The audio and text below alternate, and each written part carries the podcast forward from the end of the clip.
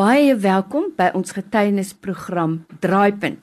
En dankie dat jy inskakel dit nog al op 'n Vrydag aand 9uur. En ek glo wat ons luisteraars sê, dis een program wat hulle regtig nie maklik misloop nie. So, baie dankie dat jy hier is. Onthou Draaipunt word weer herhaal op 'n Sondagmiddag 06:30. En as jy 'n getuienis het, moenie vergeet om dit vir my te laat weet nie. Jy SMS net vir my die woord Draaipunt na 32716. Dit kos vir jou R1 of jy kan 'n WhatsApp stuur na 0844 104104. Dan bel ek vir jou. Ons maak 'n afspraak en ons deel ook jou storie met ons luisteraars. En ek weet, soos altyd, sal dit iemand bemoedig en versterk en net weer vir ons bevestig.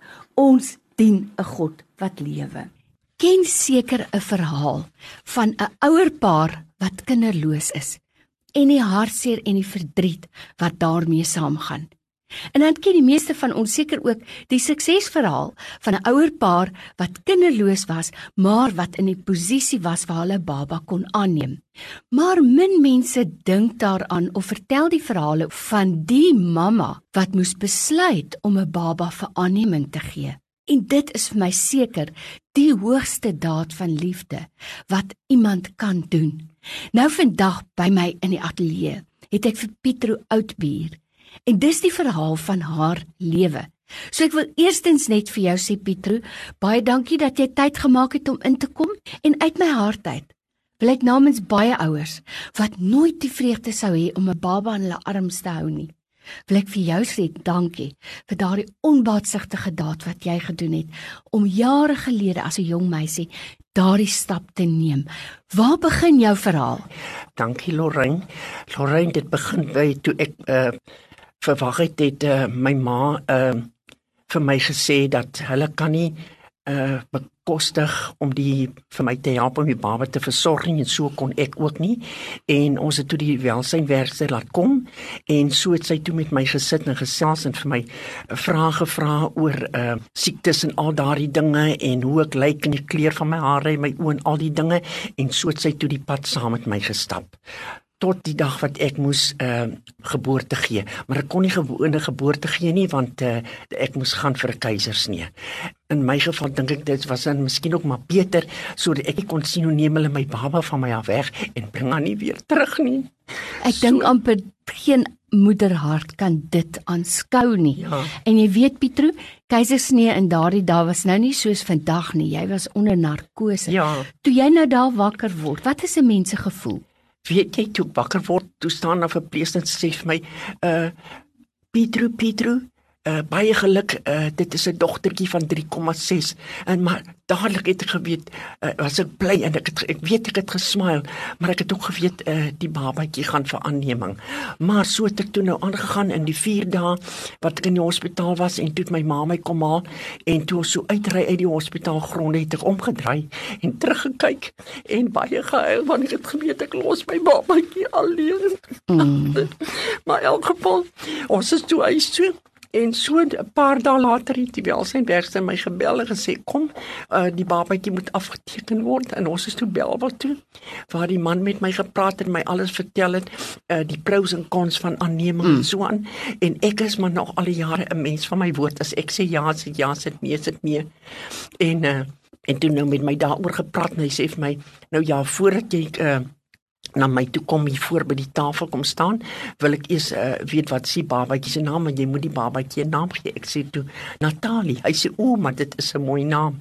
In elk geval en ek staan toe op en gaan toe vorentoe en ek sit my hand daar op 'n groot Bybel wat hy daar op sy lesenaar het en toe moet ek nou agter hom aan sê die jy weet ek sweer en so aan. En ek is toe daar weg terug huis toe en 'n paar maande later het ek 'n werk gekry nadat ek nou weer reg is en my lyf alles reg En uh, eendag is ek uh, ek dit was in 'n senter gewees in Perro en uh, wat ek oploop by uh, roltrappe ehm um, staan die welsynwerker agter my. En sy sê: "Hi Pietro, ek is so bly ek sien jou." Ek sê: "Ja, hoe gaan dit?" Nee, sy sê goed. Sy sê: "Man, ek het vir jou boodskap van die aanneem mamma." En daar is ek weer ene trane. Mm. Ek sê ja, sy sê die mamma sê as jy met 'n miljoen rand voor my deur gestaan het, sou dit nie so 'n geskenk gewees het oh. soos die een wat jy vir my gegee het nie. In elk geval en so kom dit toe dat uh, ek toe 'n paar jaar later iemand ontmoet en uh, ek ons is toe getroud in Stellenbosch en ons is op woon toe. Uh Kempton Park toe. En daar het ek al die jare gebly, maar soms so in die beginjare het ek uh, ek het dadelik toe ek daar gekom het, het ek my hart aan die Here gegee binne 'n maand. En uh so het dit toe nou gebeur dat ek uh toe nou ook maar bid vir die babatjie en so aan en uh toe uh 10 jaar gelede besluit ek kom terug Kaap toe. Ek het nou genoeg. Nou by my in die ateljee vandag is Pieter Oudbier en ons vertel vir jou 'n storie van hoop. Weet jy baie keer begin 'n verhaal met hartseer en trane. Maar dit is 'n verhaal van hoop uiteindelik wanneer ons die volle prentjie kan sien. Pieter, ek wil hier net vinnig inkom en vir jou vra. Jy het nou gesê Jare van tevore, toe jy nou die baba afgegee het, moes jy op die Bybel sweer. Wat moes jy daar sê? Ek moes sweer dat ek die baba nooit sou uh, die ouers sou uh, probeer opspoor en hulle huislike lewe omvergooi nie want dit kan gebeur as jy jou soos die Engelsman sê jou mind change. Ja. en ek is 'n mens van my woord. As my ja is my ja my nee is my nee. En ek het dit nooit gedoen nie al wat ek gedoen het was die eerste 5 jaar het ek een brief in 'n jaar na die welsynwerkers toe in Perro gestuur. Dan vra ek altyd hoe gaan dit met die dogtertjie? En dan sê hulle vir my sê so gaan my dogter so gaan my dogtertjie in elk geval. En uh, nou ja die vyfde brief wat ek gekry het het gesê en die dogtertjie toon musikaal. Toe smile ek van oor tot oor want ek speel vier instrumente dromme trek klavier gitaar en en en keyboard. En Hulle sê vir my eh, die dogtertjie is musikaal. Toe weet ek sy sy aard na haar mamma al is sy nie by haar mamma nie. Wat 'n vreugde.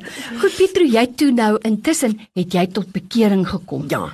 Maar nou na al die jare, tel die storie weer daarop. Toe kom ek af Kaap toe. En uh eh, 10 maande na my aankoms is my suster oorlede en 'n vriendin van my wat 'n teater en kraamsuster is, die sien dit en sy sê vir die dokter maar sy gaan na daai begrafnis toe want sy sy ken dan moet Pietro terug wees in die Kaap en mm. sy kom af. En daar by die begrafnis sien ons mekaar en daar tel ons toe weer saam op. En eendag sê sy vir my toe sy weer vir my kom kuier. Ehm um, Luister, het jy ooit gedink om die baba uh, op te soek? Ek sê van nee, Elise. Ek sê ek het my hand op 'n uh, op 'n Bybel gesit. Ek gaan dit nie doen nie. Mm. En sy los my toe nog 'n paar jaar later weer. Kom sê sy gooi 'n briefie met 'n telefoonnommer van 'n opspoorder. Sy sê, "De, Sy sê gaan jy net 'n paar rand kos. Ek sê nee Elise, ek gaan dit nie doen nie. Sy sê nee, gee nou maar die papiertjie terug. Sy vat dit. Nou wat daar gebeur het, weet ek nie. Want eendag sit ek nog so 'n Dinsdag in in 2014 en hier skakel 'n vrou my. Goeiemiddag. Is jy Pietro Oudbier? Ek sê ja. Sy sê vir my, "Het jy 'n baba in 1981 laat aanneem met die naam Natalie?" Ek sê ja. Sy sê wel sy soek na jou. Daar dog ek ek kom iets oor daar op die bed waar ek sit. In elk geval ek was so die mekaar dat ek nie geweet het wat om te sê nie. Ek was net die mekaar, ek kon nie sê ja sê vir hom sê my ek is dit die mekaar. Ek is hartseer, ek is die mekaar, ek is verward. Ek sê, "Wat kan ek jou môreoggend laat weet?" Jene, ek is agterna, so spyt my. Sy sê toe ja, alles is reg, maar dis van van ek weet nie ja. wat ek moet doen nie. Uh, Daai nag kon ek nie slaap nie en ek ek staan op en maak vir my koppie koffie en ek en ek vat hierdie keer vat ek die Bybel terwyl die koffie langs my staan en ek maak hom net oop. En toe kom oopmaak op die linkerkant val my oog op Jesaja 49 vers 15 wat sê ek bring al jou kinders terug en jou nageslag. Oh. Ek sê prys die Here. Net daar sê ek prys die Here en ek huil en ek en ek prys en loof die Here. Weet jy, Lorraine, ek kon amper nie aan die slaap raak nie. Volgende oggend kon ek omtrent nie eers wakker word nie oh. van tussen oormoeg. ja, van opgewondenheid. In geval toe ek opstaan, dink ek, okay, koppie koffie met pille en as ek nou lekker voel, nou wil ek kyk hoe laat ek nou dadelik vir die dame bel. Ek bel haar toe. Ek sê vir Gia die groen lig. Ja. My jene. 3 dae later hier bel. Goeiemôre, is u Pietro Oudbier? Ek sê ja. Sy sê ek is Angeline. ek is Natalie wel. Haar ma het haar Angeline gedoop, maar ek het haar mos Natalie. Sy sê ek is die dogter wat u 33 jaar gelede laat aanneem het. Maar nog 33 jaar, maar nog steeds in tyd, sê sy vir my. Kan Toe laat dit my so dink aan Lazarus. Ja. Hè? Ja. En weet jy, en ons twee het lekker gesels. En weet jy, daai kind het nie een keer vir my gevra hoekom, waarom, nou, Oh, tot nou toe in die 3 prys die jaar Here. het sy nog nie 'n vinger na my gewys.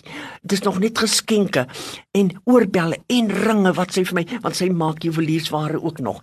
En hoe seer hart het sy vir die ou mensies en hoe Oh. lief sy vir hulle is en ag, en sy sê sy sy het ook twee daar's twee klein seentjies ook en toe het ek tot my ouma gevra van twee seentjies en my kind teruggekry.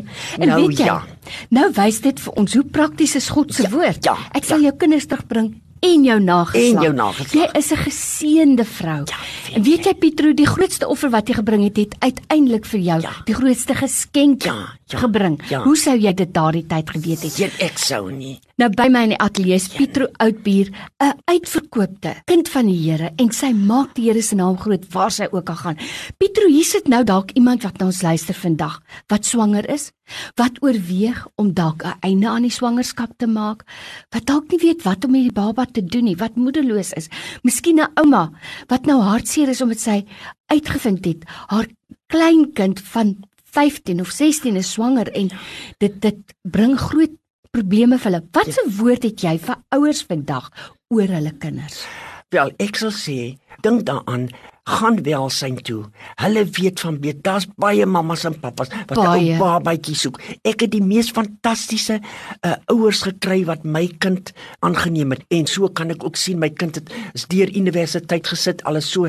Daar is net een uitweg en dit is gee jou baba vir aanneming. Jy mag dalk dieselfde seëninge eendag terug ontvang wanneer jy dalk alleen sit in 'n kamertjie soos ek en die Here stuur jou kind terug na jou toe. Pietro, weet jy, jou verhaal is een waar ek soms as ek so alleen is, dan dink ek weer aan jou verhaal en dan sê ek altyd by myself, dankie Here. Dankie vir die hart van mense wat gee Ja. en wat nie eers vandag nie, miskien oor 10 of 20 of 30 jaar eers weer Ja. die oes sal sien Ja. van dit wat hulle gegee het. Ja, ja. Onthou, ons eet vandag die vrugte van bome Ja. wat mense geplant het wat ons nie eers ken nie. So ek sê vir jou baie dankie Pieter en dankie dat jy ingekom het. Ek wil jou tog net vra. Jy is 'n bidder? Ja.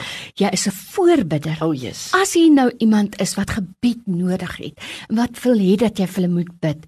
As jy bereid is om dit te doen, Ja. sal jy vir ons jou kontaknommer gee. Ja, ja. Dit is 073 306 7560. Ek herhaal dat dit is 073 306 7560. Dit is die nommer, ja.